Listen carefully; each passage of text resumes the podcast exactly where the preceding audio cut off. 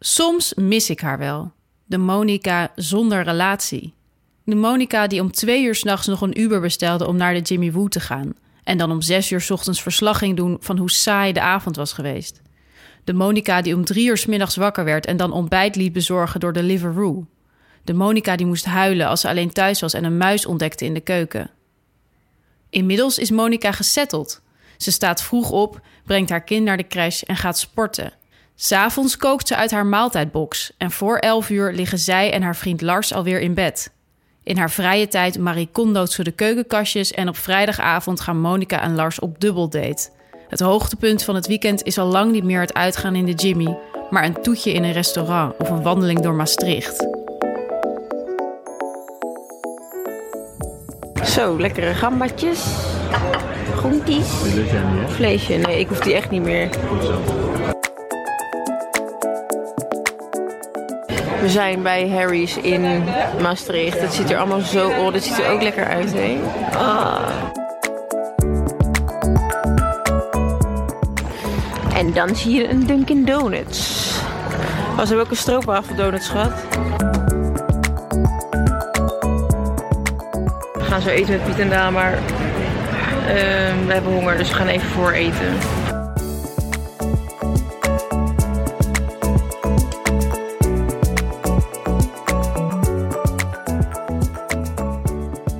Luistert naar de tweede aflevering van de Monica Geuze Fan Podcast. En vandaag gaan we het hebben over relaties. Over het aan- en uitgaan van relaties, over daten, over de angst om alleen te zijn en de vraag of die angst eigenlijk wel ergens op slaat. Onze gast is Noor Spanjer, hoofdredacteur van Broadly en schrijver van het boek 30 Dates Cadeau. En daar gaan we straks met haar alles over bespreken. Maar voor we daarmee beginnen, Doortje. Zoals elke keer bespreken we altijd de laatste vlogs van Monica. Eh, dit keer, zoals je al in de intro noemde, viel er eigenlijk niet zo heel veel op. Dus volgens mij hebben we twee dingen om te bespreken. Eén, de desserttrend Ja, in de vlog van Monica. En twee, dat Monica nu zelf een podcast Ja. maakt. ja. Nou ja, ik, ik dacht eigenlijk deze keer inderdaad, en daarom was het wel goed dat we nu ook het over relaties gaan hebben. Bedacht ik me dat het nu wel toch wel echt saai begint te worden. Eh, het is wel heel veel van hetzelfde. De vlogs waren altijd al saai, maar Ja. nu wordt het... eh, de sleur is voelbaar voor de kijker. Ja, ik bedoel, na, na zo van 35 keer Lars en Monica die had C spelen, heb je dat ook alweer gezien. Ja. En ik moet ook heel eerlijk zeggen dat ik die stukjes met die kinderen steeds vaker doorspoel. Auw. Ja, doe jij dat ook? Ja, dat doe ik ook. Oké. Maar ik heb wel echt genoten van de dubbeldate in de markt. Nou ja, dat, dat is inderdaad, dat vind ik dan wel weer fijn dat we wel echt via Monica eh, echt goed op de hoogte blijven van de trends in eh, dessertland. ja. Eh, je zag een Het tijd... gaat over toetjes, begrijp je? Ja, ja, ja. ja. en over Nou, rozen geserveerd nou, worden in restaurants. Desserts hoor. Dit zijn Oh, wel sorry. desserts. En bijvoorbeeld een, een tijd zag je dat, je dat ze veel van die bollen had. Weet je wel? ja, dat Dus zijn een soort van bollen. chocolabollen die dan Ja. door een serveerder kapot gemaakt Ja, worden. of en ze dan goten er iets warms op en dan Ja, smelt en, het. Ja, en dan, komt kwam er iets uit. En dan kwam er rook uit. Ja, en experience deze keer eten. was het een, eh, een schedel. En er kwam rook uit. ja, het was een uit de bizar. schedel. Een chocoladeschedel. Nou ja, je had het moeten zien. Ja, je had erbij moeten zijn. Ja, ik ben gestopt nadat ze iets zei over de sushi-trein waar ze aan zat. Dat ze het gevoel had dat ze in een Hello Kitty-restaurant zat. Dit was geloof ik na minuut anderhalf. Toen... Was dat de laatste? Is dat een vlog van deze ja, nou ja, met dat korte haar. Toch? Ja, ja, dat is de Ja. laatste vlog. Ja. Ja. Oh, dan heb ik... Hebben jullie Ja, gemist? dat- daar heb ik te veel doorgespoeld. Ja, nee, Het wat. dat- dat was alles wat ik aankon deze week van Ja, Monica. Begrijpig. Nou, ja, en dan hebben we de podcast van Monica. Ja, de podcast. Ja, dat is natuurlijk wel een... eh, Ja, ik vind het vooral opvallend dat ze hem op YouTube plaatst. Ik ook. Dat vind ik wel echt... eh, Enorm. Maar Ze dat, is wel weer mega voorloper, zoals Ja, we van ja. Monica gewend zijn. nee, maar het, volgens mij doen veel meer mensen podcasten op YouTube. Maar dat is dan meer een soort alsof we hier een cameraatje zo neer zouden zetten. Weet je wel, dat je net als een Ja, ja, bij de NPO. radio eh, eh, hebt. Maar zij heeft echt een soort hele setting met een camera. En ze praat ook in de camera en iedereen ziet er het is bij haar thuis, toch? En ze noemt het ook een podcast, wat ik heel raar vind als het een video Ja, het is. staat toch ook op eh, Spotify? Ja, alleen op Spotify Ja. inderdaad. Maar het was wel 300.000 keer bekeken. Ja, dus, dus het is wel eh, le- eh, lekker maar- leuk, eh, leuk, ja, leuk begin voor ons. Precies. Ik bedoel, wij zijn nog niet eens online. En zij heeft al een half miljoen luisteraars met haar eigen podcast. Ja? Ja, want wat jullie net zeiden over eh Monica Geuzes podcast. ehm, Of nee, over haar vlog. Heet dat zo? Ja. Ja. Sorry, dat klinkt heel oud. Haar vlog. Monica Geuzes vlog, en jullie hebben het daarover. En dan zeggen jullie een paar dingen. En dat, dat vind ik grappig in de context van eh, het onderwerp waarom we hier vandaag natuurlijk zitten. Ehm, jullie hebben het namelijk over sleur. En dat dat gekoppeld is aan iets dat jullie, dat, dat jullie nu saaier vinden. Dus eigenlijk zou je. En een sleur, of sleur als woord, is natuurlijk iets wat gekoppeld is aan relaties, volgens mij. Dus indirect, weet je wel, maak je daar een bruggetje tussen dat relaties saaier zijn dan single zijn. Want jullie missen, of tenminste, jullie missen de Monica Geuze die in ieder geval niet gesetteld was. Als je niet per se het hebt over eh, iemand met of zonder een relatie, maar over een gesetteld leven versus Ja. een los leven. Misschien is dat ook wel omdat we zelf allebei een relatie hebben. En is het altijd extra leuk om met een single vriendin af te spreken. Want Ja, die heeft allemaal ja. hele goede verhalen. Dit vind ik altijd een gevaarlijk, eh, gevaarlijk stereotype. Ja. Je hebt allemaal van die artikelen, eh, daar heb ik het volgens mij in mijn boek ook wel op een gegeven moment over. Van, eh, nou ja, laat ik zeggen, blaadjes als de Gratia, die verder geweldig zijn in hun soort. Eh, maar dat er dan zo'n lijstje, eh, ik, ik herinner me een artikel over een soort van zeven redenen waarom je een gekke single vriendin moet hebben of zo. Ja, dan sla je je vriendin plat tot een stereotype. Ja, dat, Dat, dat is toch wel heel. problematisch. Ja, maar dat doe jij nu ook, eigenlijk. Nou, nee, ik vergelijk Monica met de, de, ehm, het plezier waarmee je kan luisteren naar een vriendin die nog een heel ander leven leidt dan jijzelf. Maar in alle eerlijkheid, toen Monica nog een relatie had met Little Kleine, was haar leven ook best wel spannend. Klopt. Ja. En hoe anders is een leven, vind jij, met relatie en zonder relatie? Dat is denk ik heel individueel, voordat ik inderdaad mensen plat sta tot stereotypen. Maar ik denk dat ik zelf een heel slecht voorbeeld ben. Want toen ik single was, was ik nog veel meer thuis dan toen ik een relatie had. Want ik ben best wel introvert. En dat ik geen relatie had, zorgde ervoor dat ik helemaal lekker thuis kon wegkruipen op mijn bank. En dat vond ik eigenlijk heerlijk. Oké. Dus er was niet zoveel mis mee ook. Nee, voor mij niet. Ik vond alleen zijn echt heel fijn. Ehm, ja. Ik, eh, ik realiseerde me ook laatst dat ik woon nu anderhalf jaar samen. En ik werk fulltime. En vroeger was ik nou dagen achter elkaar alleen. En dan praat ik met niemand. En dat vond ik eigenlijk heel fijn. En nu ben ik nooit alleen. Ja. Eh, terwijl ik dat wel echt nodig heb. Dus ik ben ook een beetje aan het zoeken hoe ik dat in mijn leven pas. Ja. Maar ik kan wel heel erg genieten. Maar misschien is dat niet per se single vriendinnen. Maar vriendinnen die wel heel veel avonturen beleven. En ehm, veel de deur uitgaan. Omdat ik dat zelf gewoon niet zo vaak doe. Heb jij wel eens het gevoel gehad dat je werd gebombardeerd tot de, tot de crazy single vriendin? Ehm, nou, het is wel zo dat... eh, dat nou, jullie hebben natuurlijk mijn boek gelezen. Dus, Ja, dus misschien moet je een hele vertellen waar je boek over Oh ja, mijn boek, mijn boek 30 Dates cadeau gaat over eh, het moment waarop ik single werd. Dat was zo rond mijn 30ste verjaardag. En toen besloot ik om als cadeau aan mijn vrienden dates te vragen. En dit boek gaat over zowel die dates als over hoe singles in onze maatschappij en in onze media gerepresenteerd worden. En wat voor betekenis dat woord heeft. En dat klinkt een beetje wetenschappelijk en saai. En dat is het soms ook misschien. Of tenminste, er waren ook lezers van mijn boek die zeiden... ja, ik heb vooral de dates gelezen en, niet, en niet de theorie. Ehm, maar ik vind dat zelf wel leuk. Ik heb ook een eh, media- en cultuurachtergrond. Dus dan vind ik dat leuk om te zien hoe teksten... ja, hoe iets gerepresenteerd wordt. En ehm, eh, wat was je vraag ook weer? Waarom kwam Nou, heb jij je wel eens zo'n eh Oh ja, een gekke gehad dat single. je tot zo'n single, Nou. single vriendin werd gebombardeerd? Ik niet per se, maar het was inderdaad wel dat er soms bovenmatige interesse was in mijn liefdesleven. Eh, door vrienden die wel al een heel erg gezinsleven en zo hadden. Ehm, andersom ben ik dan ook wel geïnteresseerd in hun gezinsleven. Al hoewel dat over luiers en crashes en zo heel, echt heel saai is, vind ik. Nog steeds. Ehm, dus nee, niet echt als gekkie. Maar had je het gevoel Maar dat mensen dan meer geïnteresseerd waren in je liefdesleven en je, je wilde eh, escapades dan in je werk bijvoorbeeld? Hmm, goeie vraag. Nou, nee, ik geloof dat dat wel inderdaad gewoon een beetje gelijk was. Ja, het is Maar niet dat, dat singles dan met een soort van kwij of eh, eh, mensen in een relatie kwijlend tegen je over zitten met kom met anekdotes Nee. over je maar, was het, maar was het zo? Want je beschrijft in je boek dat je eigenlijk... Hè, je, je, je relatie gaat dan uit en je bent, je beschrijft van je bent 30, je bent hoog opgeleid, je woont in een grote stad en je zegt ja, ik heb eigenlijk altijd een beetje meewarig gelezen over dit soort vrouwen en nu Mhm. ben ik het zelf. Mhm. Wat, wat, wat voor beeld had je dan van dat soort vrouwen? Wat, wat voor vrouw was jij dan ge- geworden, zeg maar, door alleen te zijn?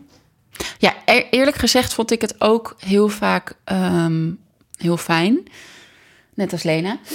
Ehm, maar ja, er is inderdaad ook wel een soort angst die, die, waar jullie het vandaag ook over willen hebben voor het alleen zijn of blijven misschien meer. Dus eh, ik ben niet super goed in mindfulness en in het nu leven. Dus natuurlijk denk ik dan ook over de toekomst na. En maar ik, vroeg me inderdaad tegelijkertijd ook af van... ben ik nou echt bang daarvoor? Of wordt het me aangepraat dat ik Mm. daar bang voor moet Want zijn? waarom had je het idee dat je werd aangepraat? Ja, omdat dat ongeveer de, e- de enige representatie is... die je bijna ziet van vrouwen Mm. vooral. Het is natuurlijk ook op een bepaalde manier best een seksistisch stereotype. Ja, je denkt Ehm, meteen aan Bridget Jones. Ja. Met een fles wijn op de bank. voor Ja. vrouwen is het een probleem om alleen te zijn. Voor mannen is het natuurlijk, als je het gewoon heel plat over stereotypes in films en zo hebt. En over de bachelor, weet je wel, de, de, de, de vrijgezelle man, de, de rokkenjager. Dat is allemaal best wel positief.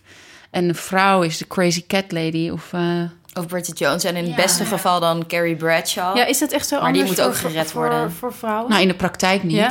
Oh. denk ik. Maar in, in filmbeelden wel. Ja. Maar is het in de praktijk niet ook echt anders? Omdat je als vrouw een tikkende klok Ja. hebt en als man niet? Ja, als je het hebt over kinderen, Ja. dan, dan is er gewoon een biologisch eh, verschil natuurlijk. Dus dan is het iets prangender. Ja. Zo.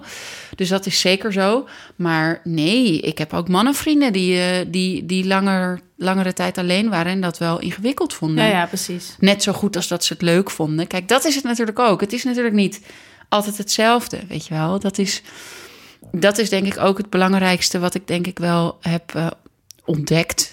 Ja, want was je, was je wel eens bang geweest om alleen te zijn?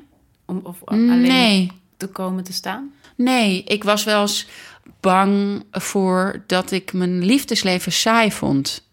Dat er weinig gebeurde of zo. Eh, daar was Dus ik. bang voor sleur eigenlijk. Ah, ja. ja, het leek me gewoon inderdaad. Dat was ook echt een reden om dat cadeau te vragen. Omdat ik dacht, huh, het is helemaal niet zo bruisend en leuk. En ik ben ook niet super goed in tinderen en eh, dat soort dingen. Dus ik, Dus je bedoelt ook toen je single was, was het niet zo... nee. Oh ja. Helemaal niet. Dus, dus ik dacht, als ik nou gewoon zo'n voorraadje dates heb, dan heb ik in ieder geval altijd wel wat te doen als ik er zin in heb. ja, en hoe was Ja. het? Hoe het was Ja, om te daten? Ja.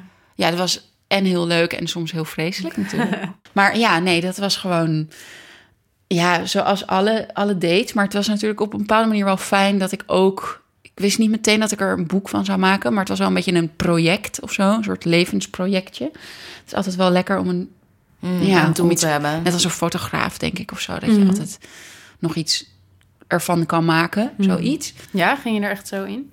Nou, die interesse heb ik sowieso wel. En ik schreef volgens mij toen nog ook columns voor Hard Hoofd. Wat ook wel over mijn eigen leven ging. En over mijn liefdesleven ook. Dus dat, dat is dan inderdaad wel een... eh, ja, een, een, een soort buffer of zoiets. Eh, dus ook als het stom was, kon ik daar wel op een bepaalde manier van genieten. Dat ik denk, ja, oh, je is hebt wel, dan meteen ook een soort afstand of Ja. zo. Ja, het is wel me ook interessant. een fijne positie. Ja, Door, heb jij wel eens een hele rare date gehad? Nou, ik zit eigenlijk te denken dat ik echt gewoon heel weinig heb gedate in mijn leven. Nee, daarom vond ik het boek super leuk om te Ja. lezen, want ik heb dus ook heel weinig Ja, gedate. en ook gewoon dat hele... eh, ik, zit, ik, ik werk op een gedeelde werkplek... waar best wel veel eh, mensen ook single zijn, vooral de jongens. En die zijn dus de hele dag ook bezig met Tinder en Happen en zo. En ik, ik, Oh, heb, ja? ik heb gewoon nog nooit op zo'n dating-app gezeten. Nee, hij was gewoon bezet voordat Tinder begon. Ja, eigenlijk ja, wel. bizar. Eigenlijk wel. Dus ik, maar ik vind het wel heel leuk om met hem mee te kijken. En ik denk ook steeds wel, jeetje, het is echt nu, denk ik, zo anders om single te zijn alweer dan eh, toen ik het, zeg maar, vier, vijf jaar geleden zelf nog was. Omdat je gewoon, dat hele taboe, zeg maar, rond zo'n app is ook al weg. Iedereen doet dat volgens mij. Ja. Er is helemaal geen enkel, ehm, ja, gêne of zoiets om daarop te gaan. Wat denk jij dat Tinder heeft veranderd aan Ja. daten, Noor? Nou, het is gewoon natuurlijk net als de rest van ons leven. eh, het heeft veranderd, weet je wel. Dat er gewoon een bepaalde toegang is tot sociaal contact. En dat gebeurt nu zo. Ik vraag me af hoe erg veranderd het is, eerlijk Nou gezegd. ja, ik, denk, ik vind het wel altijd gek om te zien hoe mensen daarmee omgaan. Dat het zo'n soort van geoptimaliseerde versie is van iemand ontmoeten of zo. Dus hoe makkelijk je afknapt op iets. Als iemand heel leuk is, bijvoorbeeld heel leuk eruit ziet. En dan is het ja, maar die werkt op een kantoor. Ja, dat lijkt me saai. Oh, zeggen de jongens dat bij jou? kantoor, Ja. die? Oh ja. Maar ja, nou ja, in die zin is er... Het is inderdaad heel wat gerichter natuurlijk. Maakbaarder. Ja, en tegelijkertijd niet natuurlijk. Maar ik weet niet, ik heb ook niet heel veel achtergrondkennis over inderdaad of er nou zoveel meer keuzestress is doordat er zoveel keuze is. Dat weet ik niet zo goed. Ja. Uiteindelijk zijn, is het merendeel van mijn vriendengroep gewoon in een relatie. Dat is toch de norm. Ja, vind je dat raar eigenlijk dat dat de norm is? Nee, ik vind dat helemaal niet raar, want het is gewoon ook praktisch. Ja, onze samenleving is ingericht voor tweetjes. Precies. En weet je, ja, het is gewoon praktisch. En eh, ja, ehm, wat kinderen betreft is het natuurlijk praktischer. Het is moeilijker om in je eentje, denk ik, weet het, dat soort beslissingen te moeten maken. Ehm, het, is, het is een romantisch ideaal wat enorm overeind staat nog steeds. Dus natuurlijk willen heel veel mensen dat. En zorgen ze gewoon dat ze dat krijgen of zo. Dat denk ik dat het daarom, eh, ja, dat het daarom zo is. Maar ik denk dat het, het, het probleem is dat het in een relatie zijn als een soort eh, verheven boven het single zijn wordt gezien. Maar dat is heel vaak helemaal niet zo. Ja, het, is een beetje als je single bent, ben je of te high maintenance, heb je te hoge eisen, of je hebt bindingsproblemen Ja. of zo. Er is dus meteen een probleem met Ja, jou. het is een probleem. Ja. En ik bedoel, dat komt natuurlijk ook ergens vandaan. Weet je, als vrouw was het gewoon vroeger... eh, was je zelfs onvolmaakt mens of Ja. zo, als je single was. En, en, en eh, als je trouwde, dan was het juist weer dat je dan geen eigen beslissingen meer mocht Ja. nemen. Maar ik bedoel, dus, dus daar zit ook dat seksistische stereotype Ja, nog in. Maar het was vooral gewoon... Ja, het is vooral eh, het problematiseren van het singelschap. Vooral tegenover een, eh, een relatie. Alsof het dan allemaal opgelost is en klaar en goed. Werd jij ook zo benaderd dan toen je, toen je single werd? Dat je, dat je nu een probleem had? Nou, als mensen inderdaad wel vragen of van je verlangen dat het, dat het over is... Dan Dat je weer op zoek dat- gaat naar nieuwe relatie? of Ja. de, weet je wel, of een beetje teleurgesteld zijn als ze vragen: en hoe is het met de liefde? En je Mhm. zegt, nou ja, Niks. ja, of weet je wel, scharrels die je niks aangaan of zo, maar geen niks blijvends of wat dan ook. Dat ze dan een beetje medelijden, een beetje teleurstelling, een beetje eh, oef, oei, weet je, dat gevoel. Dat is natuurlijk wel alsof, alsof er dus dan een probleem is. Ja, Mm. dat is denk ik wel, dat is denk ik wel wat veel eh vrijgezelle mensen herkennen. Ja, je hoort ook wel eens dat, dat eh, mensen zo reageren omdat ze het misschien bedreigend vinden, een single. Ja. Voor hun wellicht Ja. hun eigen relatie. Of misschien heeft iemand anders eigenlijk een veel spannender en leuker leven dan jij. Ja, of de mogelijkheid gewoon. Ja. Ja, Herken je dat ook? Nou, nee, niet zozeer. Nee, nee. Maar ik, herken, ik, ik ken die theorie inderdaad. Maar ehm, als ik het persoonlijk maak, nee, dan had ik niet het idee dat mensen dachten: straks gaat Noor met mijn man er vandoor of zo. Dat, Oh dat ja, nee, maar zeker ik denk niet dat dat niet per se is wat je bedoelt, toch? Meer gewoon het idee van je kan ook single zijn, dat dat... eh, Ja, het zet je eigen Ja. relatie weer in een ander licht Ja, of zo. Je ziet ja. opeens de mogelijkheid van, oh, dit- En dat dan kan zie je ik ook ook ineens uitmaken. het feit dat je relatie een keuze is. Ja. En niet gewoon een gegeven. Ja, Ik denk dat dat ook eh, voor mensen heel beangstigend kan zijn. Maar dat is natuurlijk ook het hele vreemde aan dat single zijn geproblematiseerd wordt. Omdat liefde is, nou, een deel Ja. toeval, een deel een keuze, moment. en het fluctueert. Ja, Ja, maar en en je ziet, toch, je ziet toch ook best vaak dat als je, als je zo'n vriendengroep hebt van een aantal mensen met relaties en dan gaat één relatie uit, dan gaan heel vaak al die relaties uit. Ja, ja, zo'n... Omdat eh, mensen ineens denken, ja, oh, dat dat, kan ook. Ja. Zelfs als Ja, met dus een dat- burn-out, dat ja, ook iedereen dan een valt burn-out iedereen ook krijgt. in bosjes.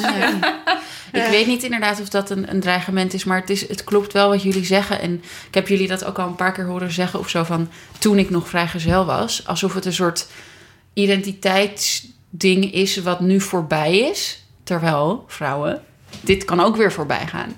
dus het is niet, weet je, het gegeven dat je, dat klinkt nu als een soort dreigement. Mhm. Maar zo is het natuurlijk helemaal niet. Maar het wordt, zo wordt er naar gekeken, inderdaad. En, en je merkt dat in taal, dat dat op die manier ook heel vaak een, een, een soort, als, net als leeftijd of nationaliteit, eh, weet je wel, iets blijvends is. Terwijl dat is natuurlijk heel vaak niet zo. Ja, ik vond het heel mooi hoe je het beschreef in je boek als een soort uh, wachtstadium, een tussenstadium. Je staat even in de wacht, want je bent vrijgezel. Ja. Je bent op weg naar het volgende. Ja. ja. Dat is natuurlijk heel vreemd dat mensen je zo behandelen. Of, ja. Of de taal het zo behandelt. Ja. En wat zouden we daar dan aan kunnen doen? Je zou de taal, representatie in media. Ja. Ik denk uh, vooral ook eerlijker beeldvorming hebben over relaties. Weet je wel, dat is denk ik ook, uh, ook belangrijk.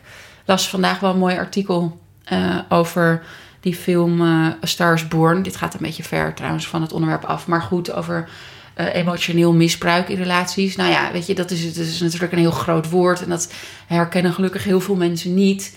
Maar ook veel mensen wel, weet je wel. En het is natuurlijk... In relaties is het ook heel moeilijk evenwicht soms om met elkaar te zijn. Of wat er ingewikkeld aan is. Of, weet je, dat is denk ik heel belangrijk. En inderdaad vooral niet de vergelijking maken tussen de single en de persoon in een relatie.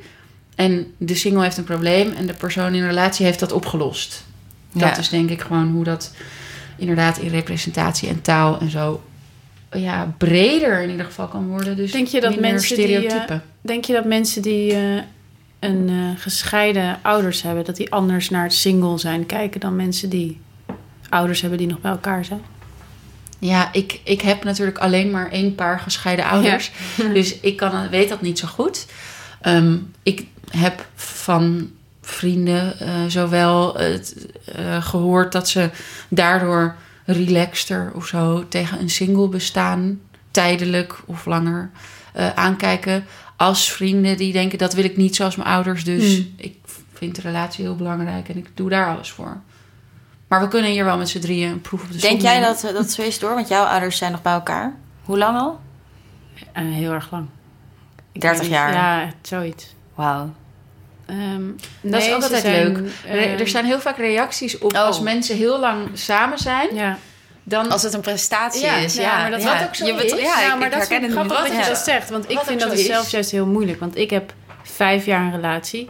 En ik vind mijn relatie echt heel erg leuk. Maar ik merk altijd als ik het... Als, ik, als mensen vragen hoe lang zijn jullie bij elkaar... En ik zeg vijf jaar... Dan zeggen ze, oh, wow, dat is lang. Ja. En dan voelt het een beetje alsof ik me een soort van moet verdedigen. Oh, ja, maar het is nog wel heel leuk hoor. Oh, oké, okay, ja. En ik heb zelfs wel eens nu... We hebben nu uh, dan dit jaar... Gaat het dan zes jaar worden? Um, dat ik eigenlijk al bij mezelf dacht... Ja, misschien hou ik het gewoon bij vijf. Als, gewoon als mensen vragen hoe lang bij elkaar... Ik zeg vijf jaar. Maar jij hebt dus ervaring dat mensen zeggen: Wow, wordt het niet eens tijd om wat anders te Dat zal nooit iemand zo tegen je zeggen. Maar je voelt wel, in een, je voelt wel dat als als je zegt ja, vijf jaar, dat mensen dat er ergens iets in die reactie zit van mm. jeetje, zo. En dat is dan afhankelijk omdat je jong bent of ja, zo. Dat ja, heeft daarmee te maken. Ja, ja, denk het. Bij oudere mensen is het inderdaad een applaus waard of een, zelfs een ja. zilver, uh, weet ik veel wat, een huwelijk of zo. En bij jonge mensen is het zo van, oh, oh, oké. Okay. Wees wat avontuurlijker ja, of zo. Misschien, ja. ik weet het niet. Nee, maar ja, nou ja, mijn ouders zijn heel met elkaar, zijn heel gelukkig. En, ik, en ik, ja, ik denk wel dat ik daardoor word beïnvloed. Ja, zeker wel. En zeker ook met Um, ja, hoe beïnvloedt dat? Nou ja, dat ik, dat, ik, dat ik denk ik wel eerder allergisch ben voor als het even niet goed gaat. Dat ik dan denk, het moet goed. Want uh, ja. Dan ben je ook bereid om daarvoor te werken. Tussen mijn ouders gaat het ook altijd goed, weet je wel. Dus dat je een soort van... Ja, dat je, ik, ik, ik denk dat ik wel een hele lage tolerantie heb voor... Uh, als het even minder lekker gaat of zo. Want je ouders hadden nooit echt problemen? Nou, niet dat ik echt heb gezien, nee. Wauw. En dat gaat over jezelf. En hoe kijk je tegen singles aan?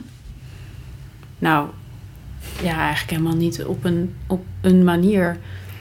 Uh, ik heb natuurlijk veel vriendinnen met relaties die aan en uit gaan. En het is bij iedereen ook weer anders. Maar ik, maar ik merk wel dat ik een bepaalde hoop heb altijd. Dat ik denk ook hoop dat ze iemand vindt die ze leuk ja. vindt. En ja. dat ik niet denk, ik hoop dat ze alleen blijft, maar heel gelukkig wordt. Ja. Jij ja. wel, Leen? Nee, dat, die gedachte heb ik ook nog nooit gehad. Maar ik, ik ben altijd wel jaloers op mensen die zo kunnen genieten van daten of scharrelen. En daar. Ja. Uh, ja, dat vind ik heel bewonderenswaardig. Ik ook. En ook, en ook gewoon mensen die heel, uh, ja, heel goed alleen kunnen zijn. Die bijvoorbeeld kunnen zeggen... Ik heb ook heel vaak bij single, als vriendinnen net single zijn geworden... het idee dat ik ze steeds moet uitnodigen, weet je wel? Dat ik steeds zeg, Oh, ik ga nu dit doen. Ik, het is vrijdag, ik ga naar het café, ga mee. Ja. Ik ga naar de film, ga mee. Omdat je bang bent dat ze eenzaam Ja, dan denk zijn. ik, oh nee, straks zit ze alleen op de bank. En dan krijg ik dus ook wel eens een appje van... nee, ik zit alleen op de bank. En dat vind ik eigenlijk best oké. Ja, het is Ja. ook een onderscheid tussen alleen zijn en eenzaam. Ja, Zeker. Eh, je kan natuurlijk heel eenzaam zijn in een relatie. ja. Of in een kamer vol met mensen. Ja, herkenbaar. Ben je ook bezig geweest met... ehm, nou ja, je zei het net ook al dat je wel veel bezig bent geweest met hoe single zijn... eh, hè, meer in cultuuruitingen en zo wordt ge- ja, getoond. B- Heb je ook wel eens naar social media gekeken? Van hoe, hoe daar single zijn wordt... Want ik heb het idee dat als je Ik kijkt op social media... Dat, dat mensen ook best ja, eerder een soort van hun relatie willen laten zien dan... ja. ik ben alleen. Ja, ik, eh, mm, ik denk inderdaad, als ik, eh, wat ik ook net zei, van het romantiseren van een relatie of zo, een soort van alsof dat dan goed is, of de oplossing voor een probleem. Dat is natuurlijk inderdaad wel wat je ziet. Ehm, en ik denk dat dat ook een beetje vergelijkbaar is volgens mij met eh, die roze wolk van kinderen of zo. Dat heel erg promoten op, op sociale media van hoe schattig en hoe geweldig en hoe leuk versus de realiteit. Die vind ik heel groot. En ik heb het idee dat dat misschien ook inderdaad wel een beetje op sociale media gebeurt.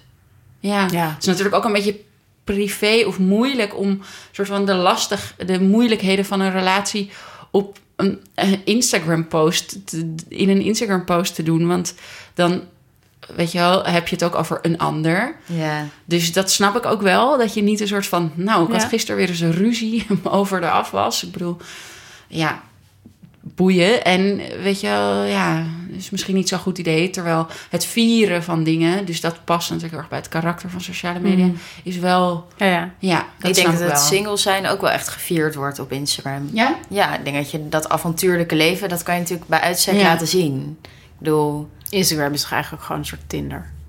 ja, volgens mij daten er heel veel mensen via Instagram. Ja, Ja. via de DM. Mhm, dat denk ik ook. ja. ja, ik ben wel benieuwd of je veel op eh, sociale media zit. En wat dan? En Ik of- ben momenteel even van Instagram af. Mhm. Oh Waarom? my god. Ja, het is chill. Ja? Ja, Was het een, was het een, een keus? Een Ja, gevoel? zeker. Ja. Ik vond gewoon dat ik er te veel tijd aan besteedde. ja. Mijn huis werd Heb je zo'n, kijk je dus dan naar zo'n tracker van doen. eh, hoeveel je erop kijkt? Ja, het was inderdaad wel volgens mij toen die nieuwe eh, functie op je telefoon werd geïnstalleerd... dat je kon zien hoeveel tijd je Ja. op je telefoon zat. En op Instagram ook kan je het ook zien, hè? Oh ja, nou dat heb ik niet gekeken. Ja. Maar toen dacht ik, ik ga er eens even vanaf. Hoe lang zat je op je telefoon? Ik geloof iets van 3,5 uur of zo. En Weet jij dat, Leen, van jezelf? Minder dan twee Ja, uur. volgens mij 40 minuten. Per dag? Ja, What? Dat is echt heel weinig. ja maar ja, ik, ja. En dat is gestoord. En op mijn werk zit ik op computer en daarna zit ik niet op mijn telefoon. Daar ben ik dan jaloers op. Ja, ik ook. Nou, ik moet je eerlijk zeggen, ik heb ook een jaar lang niet op Instagram gezeten. En toen ben ik weer begonnen. En toen was ik eigenlijk verrast dat als je je Instagram-wal goed gecureerd... Ja, dat er fucking leuke dingen gebeuren Ja. op Instagram. Ik mis het ook heel erg. Ik ben ook op het moment, mijn huis is af. Dus ik ga denk ik binnenkort weer terug. Ik heb ook een heel leuk serietje, dat heet Mannen op kantoor. Dus daar heb ik ook weer zin in om die... Oh, dat maak je zelf. Ja, Oh, leuk. Maar Waar je huis is af, dus je gaat terug op Insta. ja. Heb je ik- tijd? Ja, ik heb weer tijd. In plaats van in de bouwmarkt. Oh, Moet ik nu- Dat je niet elke dag naar de hoorn mag. Ja, ja, ja oké. Ja, En waar Ik dacht, misschien wil je je huis volgen? laten zien. gewoon mijn eigen, eigen account. En dat is? Nora? Spanje. Nora Ja. Ja, Nora. Nora At Spanje. Nora Spanje. Ah, ja. Het Nora Spanje. Cool. Leuk. ja. Ja. Maar je bent dus ook actieve gebruiker, niet alleen maar swipe. Dan vind ik het leuk. Ja, dat vind Ja. ik leuk. Zo'n serietje vind ik leuk. En eh, Facebook ben ik natuurlijk ook gewoon veel op te vinden, ook voor mijn werk. Dus ja, ja? ja. Ik zit de laatste tijd zo weinig op Facebook. Ook niet meer echt voor mijn werk. Ik heb nog niet eh, mijn Facebook-status veranderd trouwens. Naar? Interessant. Naar heeft een relatie. En wat heb je nu? It's complicated. Nee, niks volgens Oh. mij. Ja. Ik heb dat ook niet. Nee, ik heb dat ook niet. Maar mijn geliefde heeft wel eh, in zijn Twitter-bio gezegd Ah. dat hij mijn geliefde is. Oh, dat is wel, dus jullie zijn wel Twitter official. Ja, dat zei iemand dat woord. Daar moest ik heel hard om Ja, net zoals Insta official. Ja. Ja, Ja. grappig, maar sowieso zie je dat veel minder op je jij Facebook-tijdlijn, Bas toch? Insta official? Nee, maar ook niet op Facebook. Maar ik zit ook bijna niet op Facebook. Alleen voor mijn werk. Maar je hebt nu dus wel weer een vriend. Ja. En is dat ook iemand met wie je hebt gedate in die serie? Nee, nee, dat was veel later. Ja. Of veel later, ja. En heb je nu het idee dat je leven dan heel erg is veranderd? We zijn net gaan samenwonen. Dat is voor mij voor het eerst in mijn leven. Vandaar de verbouwing? Vandaar de verbouwing, precies. Dus dat is wel, eh, vind ik, een heel groot avontuur, inderdaad. Ehm, Maar echt net net dus. ja, Een week. Twee. ja, en Ah, eh, dat gaat heel goed. Het is heel feestelijk. Maar ehm, mijn, is mijn leven erg veranderd? Nou ja. Ja, je doet wel heel veel meer met iemand anders erbij. Ja, Je spendeert veel meer tijd met z'n tweeën. ja. Dat is wel ontzettend leuk natuurlijk ook. Ik bedoel, ik begrijp ook heel goed waarom je voor mensen hoopt dat ze een geliefde vinden en niet dat je hoopt dat ze alleen blijven. ja. De liefde is natuurlijk ook iets ontzettend feestelijks als het goed gaat. Warm en om nog meer van dit soort lieve woorden te gebruiken. Ja. Veilig. Veilig. Ja, ik- we hadden het in het begin over sleur. En eigenlijk, eigenlijk zou ik wel een, eh, Pleidooi. ook wel een soort, eh, ja, een soort van pleidooi voor sleur. Zou ik ook wel willen houden. Ja. Ik vind sleur eigenlijk heel leuk. Ja, Heerlijk. misschien moeten we nadenken hoe we dat dan goed in beeld kunnen brengen. Ja. Of hoe we daarover kunnen Ja. communiceren. Want ik bedoel, hoe, hoe fijn is het om gewoon, om gewoon ook elk weekend te ontbijten bij hetzelfde tentje. Ik vind dat echt, echt ik geniet daar ook Ja, echt intens Regelmaat. Ja, nou, Nou, ja, daar zijn mensen sowieso zeg gek maar-. Rituelen. leu- ja, zo van een leuke vorm van rituelen. Ja. Maar dat kan je natuurlijk ook als single doen. Ja, heel goed punt. Dat is niet per se voorbehouden aan in een relatie. Maar Maar een ritueel in je eentje is toch anders? ja, maar of met vrienden of zo. Ja. Als single ben je ook niet alleen op de wereld. Dat is natuurlijk ook de ondertitel van mijn boek. Een zoektocht naar liefde in een single bestaan. Liefde is natuurlijk ook niet voorbehouden aan een relatie. Aan een liefdesrelatie. Ja, Het is wel een ander soort liefde hè, die moeilijk te verkrijgen is bij je vrienden of je ouders. Ik bedoel, dan wordt het een heel ander verhaal. ja nou dat, dat, dat, dat stip je toch ook even aan in je boek... dat je het eigenlijk raar vindt dat zo die, die soort liefde zo voorbehouden is aan de relatie. Ja. En dat eigenlijk bijvoorbeeld vriendschap Ja, eigenlijk zo'n ja. in die zin ondergewaardeerde... Ja, dat, dat heeft Simone van Saarloos inderdaad in dat boekje zo goed omschreven. Dat ze op wereldreis ging en dat mensen dan zeiden... ehm, ga je je geliefde niet missen? En dat zij dacht, maar die ken ik pas een jaar, weet ik veel, korter. Terwijl mijn beste vriend of vriendin, die ken ik al 15 jaar. Hoezo Ja. zou ik die niet gaan missen? Hoezo vragen mensen daar niet naar? Vind ik altijd een heel goed voorbeeld. Ja, volgens mij eh, hebben we alle prangende vragen gesteld. Ja. Ik, ik heb er nog één op mijn hart. Hoe lang Dat- hebben wij al een relatie, Leen? Ja, dat is ook een goede vraag. zeker- Facebook weet Dat zeker tien jaar. Ehm, nou, dat begon toen we begonnen met studeren. Ja. En dat is hoe lang geleden? Dat is denk ik acht jaar geleden. of negen, Negen jaar, geleden. Ja, dat is al best wel lang. Maar misschien moeten we daar ook een ritueel voor bedenken dat we dat kunnen vieren. Ons tienjarig jubileum. Ja.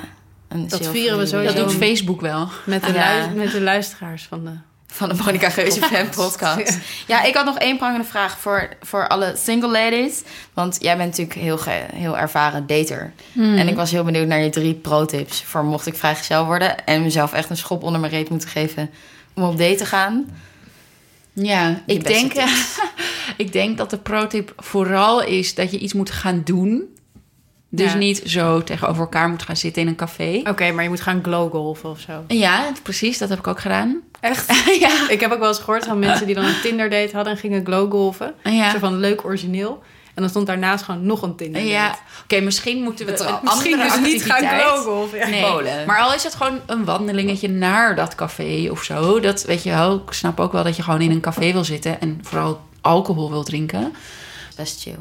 En verder is natuurlijk de pro-tip, maar dat is heel moeilijk. Maar om je verwachtingen heel erg bij te stellen. Weet je, als je inderdaad gewoon wil dat het de man, vrouw van je dromen, om maar weer zo'n eh, cliché erbij te halen, is, dan gaat dat moeilijk worden, denk ik. Dat is lastig. Ik weet niet, waren jullie echt meteen helemaal hotel de botel op jullie ehm, mannen? Ik denk dat jullie de laatste hebben met mannen, ik weet het niet. Ik werkte met mijn vriend, dus ik kende hem al een jaar. Ja, kijk. En daardoor voelde ik me al wel snel vertrouwd. En ja, ik was niet in één keer hoofd op de boot verliefd, maar toen opeens wel. En toen ben ik als een leeuw op mijn prooi afgegaan. Eh, ja, dus dat moest wel even groeien. Ja. Ik wel hoor. Ik was echt een één keer eh, Kan ik me ook goed herinneren. getroffen door de bliksem. Oeh. Ja, echt Ja, heel erg. En hij had een flacon met whisky bij zich. Ja. En het was een boekenpresentatie. Ik dacht, ik dacht toen nog dat hij alcoholist was en dat trok me ook enorm aan. Oh. Ja. Oké, dat is denk ik een andere podcast. Ja. Hoe Bleek om te gaan niet met alcoholisten. Ja. Ja, nou ja, goed. Het verschilt natuurlijk. Maar er zijn volgens mij veel verhalen van mensen die niet verliefd worden op het eerste gezicht. Ehm, of wel, maar dat zijn ook niet altijd de even leuke relaties, weet ik ook. Maar het is, d- ja, je moet je, je moet je verwachtingen echt proberen bij die avond, slash middag, slash ochtend, wat mij betreft, te houden. Kijken hoe het is om gewoon met iemand te zijn die je nog niet zo goed geven. kent. Ja, en een kans voor dat moment. Ja. Whatever komt daarna. Wat er ook daarna komt, maakt niet uit. Super mindful tip. Ja. heel moeilijk. Dan moet je inderdaad je hoofd goed uitzetten. Ja. Ja, heel moeilijk. Ja, en vraag inderdaad vrienden. Om, eh, dat is je netwerk. Je vrienden vind je al leuk. ja. Ehm, dus vind je vrienden van vrienden waarschijnlijk ik merk ook wel dat ik dat heel moeilijk vind. Ik heb, ik heb het nu wel eens dat single vriendinnen vragen. En ook wel eens vrienden. Van, ken jij niet nog eens Ja, nog iemand voor mij? En ik vind dat een hele lastige vraag eigenlijk. Omdat je A, niet omdat kent. ik heel weinig single mensen ken, merk ik dan. En B, omdat ik ook... Ja, dan, dan denk ik, oké, dan ken ik dus die, die ene single man en die ene single vrouw. Ja, ga ik die dan echt bij elkaar zetten? ja dat is ook lastig. Dat is ook lastig. Maar eh, toch even proberen. Als ze het vragen. Oké. Nou, heel veel dank dat je er was. Ja, Ja. en, Ja, was eh, echt Maar ik heb nog wel één vraag. Ja, ja zeker. Een hele vrolijke vraag om, om af te sluiten. Zijn jullie bang om alleen te geraken? Nou ja, ik denk wel dat het, dat het iets is waar ik... Ik denk daar wel over na. Op een negatieve manier. Ja? Ja, zeker. Ja, maar ik denk dus dat dat, dat dat bij mij ook zoiets is wat ik dan... Als je altijd voorgespiegeld hebt gekregen van ouders die heel gelukkig eh, samen Mhm. zijn... en de hele tijd eh, op wereldreis gaan en zo. Dat je dan denkt, ja, jezus, ja, hoe zouden ze dat doen als ze alleen zijn, weet je wel? Mhm. Hoe zou ik dat doen als ik alleen was? Ehm, maar het is, niet, het is niet iets waar ik dagelijks mee dagelijks bang voor ben natuurlijk. Maar het is wel iets waar ik bang voor word op het moment bijvoorbeeld dat ik ruzie heb met mijn vriend of zo. Dat ik wel denk, fuck, zal het dan toch? Weet je wel? Ja. Ja. Jij, Leen? Ehm, nou, ik merk wel dat ik heel eh, hele sterke wens heb om met een geliefde kinderen te krijgen. Dat wil ik wel heel Oh ja. graag. Ja. Maar ik weet niet of ik bang ben om daarna misschien alleen te zijn. Mijn moeder is alleen en dat is echt een bron van inspiratie. Want zij is echt zo goed alleen en ze leert zichzelf allemaal nieuwe dingen aan en eh, kan zichzelf heel goed vermaken. En dat kan ik zelf ook. Dus ik, ik probeer mezelf wel de verwachting te geven dat ik niet een soort van standaard happy family hoef te hebben, maar dat dat ook in fases kan. Dat je een gezinsfase hebt Ja. en misschien gaat dat kapot, zoals de helft van de huwelijken. Maar ja, ik denk ook wel hoor. Ik denk ook wel in alle eerlijkheid dat het bij mij ook, dat het, dat bij mij ook te maken heeft met het idee van kinderen krijgen. En eh, ja, dat, dat ik niet wil dat dat op de een of andere manier lastig zou zijn. Ja. Dat is in je eentje echt lastiger. Ja, tuurlijk. Ja. Ja, Maar is dat niet iets waar jij over nadacht dan in die periode? Tuurlijk, ja. Ja, absoluut. Dat, dat is natuurlijk ook waarom die leeftijd dan interessant wordt of zo. Maar dat heb ik wel een beetje buiten mijn boek gelaten. Omdat ik daar toen toch wel echt nog niet mee bezig was. Mm. Maar ehm, ja, ik, eh, ik, ik heb wel gezien om me heen vrouwen die graag kinderen wilden en alleen waren. Mannen ook wel. En dan is dat natuurlijk wel heel. Ja, je moet gewoon zoveel dan beslissen in je eentje. Het is natuurlijk veel makkelijker om gewoon te neuken en een kind te krijgen. Ja. Als je- je dat gegeven is dat je dat zo krijgt. Mm. Maar ja, dat is wel wat makkelijker dan een spermabank, een huisarts en Ja, allemaal dat soort beslissingen En alles te in moeten je nemen. eentje. Ja. En financieel bijna niet te doen Ja, in je ja. eentje. Los van nog dan als het kind er eenmaal is en dat allemaal in je eentje te doen. Ja, Ja, dat is dan toch een beetje oneerlijk, hè? ja dus daar, Ja. daar ben ik wel bang voor. Ja. Voordat ik Ja. dat alleen zou moeten doen. Ja, snap ik. Maar ja, daar, daar moeten we maar gewoon niet te veel over Nee, nadenken. ja. niet Als je in het de hele sfeer. We zitten overigens op dit moment in het supergezellige huis van Lena, waar ze samen woont met haar vriend. ja, er is ook Is nog helemaal geen plek voor een weinig. babykamer. Dus ook geen geld voor. Ja. Zullen we naar de, zullen we naar de troostrijke social media? Ja, we hebben namelijk een prijs, de Monica Geuze Award. En die reiken we uit aan leuke Instagram-kanalen of posts of YouTube-video's die je wel blij maken als je door je feed scrolt. In plaats van alle blije mensen met hashtag koppelgoals. ja, leuk. Ehm, en ik had deze week, of nee, dat is wel deze maand, zag ik een artikel op Broadly van Milou Delen die er ouders interviewde. ja, En dat vond ik wel een inspirerend artikel, want haar ouders zijn 30 jaar bij elkaar. Dus Barbara van Beukering, voormalig hoofdredacteur van Parool. En Thomas Delen, dat waren vroeger mijn buur, ja, buur, klopt ja. buurmensen. Buren, mijn buren. buren. Ehm, Buurmensen. en Milou die stelde haar ouders de vraag: eh, wat mis je wel eens in de relatie? En toen zei die moeder: ehm, Nou, ik mis soms dat ik eh, geen intellectueel gesprek kan voeren met Thomas. Mhm. En de eerste keer dat ik het las, toen kreeg ik echt, moest ik echt slikken. Toen dacht ik: Zo, dat vind ik best wel hard. Voor hem, dat hij dat rot zou vinden om te lezen. Ja, om te lezen. En Hij zal toen- dat wel weten, denk ik, na 30 jaar. Nou ja, toen ik, ik realiseerde me daarna inderdaad van... wow, ze hebben dat waarschijnlijk gewoon besproken. Ja. En daar zijn ze allebei zo lang mee. Hij vindt dat helemaal niet problematisch dat ze dat Nee. zegt. En ze hebben ook allebei geaccepteerd dat ze niet alles bij elkaar hoeven te vinden. Ja, en, want weet je nog wat ze daarna zijn? Ehm, ja, daar, dat ging ze met vrienden doen. Ja, en ze zei, maar wij hebben wel elke week seks. Ja. En dat hebben weer andere mensen niet. Dat Ja. heb ik, was ook wat ik voornamelijk had onthouden. Ja, Ja, dat vond ik wel Ja. cool hoor, Ja. na 40 jaar. vond ik ook. Maar sorry, ik onderbreek je Nee, nee, betoog. nee, maar dat, Maar dat ik was wat het ik, er, wat ik er heel cool aan vond. Ja, nou en dat, dat is inderdaad inspirerend om, als, ook als pro-tip voor daten, nou dat is misschien meer pro-tip voor relaties natuurlijk. Zoek niet alles bij één iemand. Ja. Wow, de druk. Ja, heel erg Esther Perel, dit advies. Ja. Ja, ja.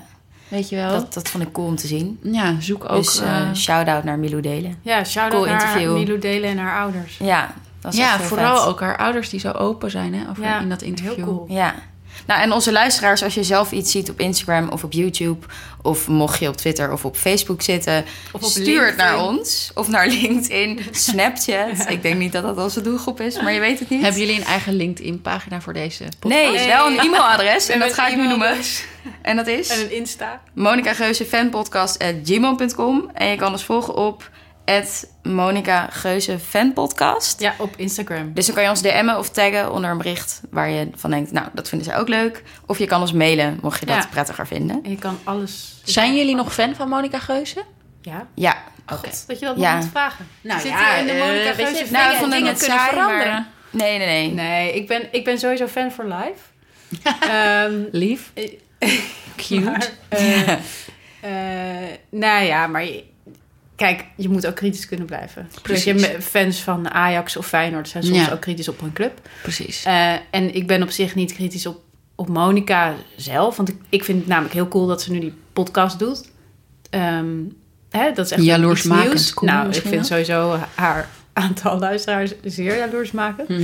Ehm, maar ja, je, je gooit met iemand mee en op een gegeven moment denk je... ja, zij is nu toch wel Nou, je in kan een ook andere zeggen, fase dan ik. zij, zij doet toch precies wat jij wil? Dat we een hommage geven aan de sleur. Zij laat gewoon Zeker. op haar YouTube-kanaal elke week de sleur Eigenlijk zien. wel. Ja, je hebt hem al. totaal. Ja, Ja. totaal. En ik vind het, en, en, dat, en dat vind ik ook, daarom vind ik het denk ik deels ook heel prettig om te kijken hoor. Volgens mij heb ik dat ook wel eerder, eerder gezegd in, een andere, in een van onze andere afleveringen. Dat het gewoon, het is echt het hoogtepunt van haar weekend als zij ergens een gestoord lekker broodje carpaccio heeft gegeten. en eh, ja, ik- weet je, ik vind dat toch fijn. Ik, ik, ik ga eh, heus wel uit, maar ook echt niet elk weekend. En dan denk ik, ja, zij, eh, zij ook niet. Jullie lijken wel een beetje op elkaar. En Monica en ik lijken heel erg op elkaar. Jullie zijn vast hele, zouden goede vriendinnen kunnen zijn. Maar jij bent ook nog wel fan, toch, Leen? Ik ben ook nog fan. Ja, ik moet wel zeggen dat eh, in de aandachtseconomie ik dan toch graag wil dat ze wat spannendere dingen doet. Ja. Eh, maar dat kan je zien als een mindful oefening. Niet alles hoeft heel spannend en eh, extreem over de top te zijn. Ehm, en eh, ik ben heel benieuwd naar de volgende podcast. En daarbij sluiten we denk ik ook de aflevering af. Monica, als jij naar onze podcast luistert... Ja. we zouden je natuurlijk heel graag willen interviewen. En we houden niet op tot het lukt. Maar dan Dus- niet alleen maar over toetjes en taarten en baby's. Als Nee, nee, Monica nee, nee. alleen maar over toetjes en taartjes en baby's wil praten, dan is ze wat mij betreft even goed wel. Oké. Helder. Like en subscribe. Yes.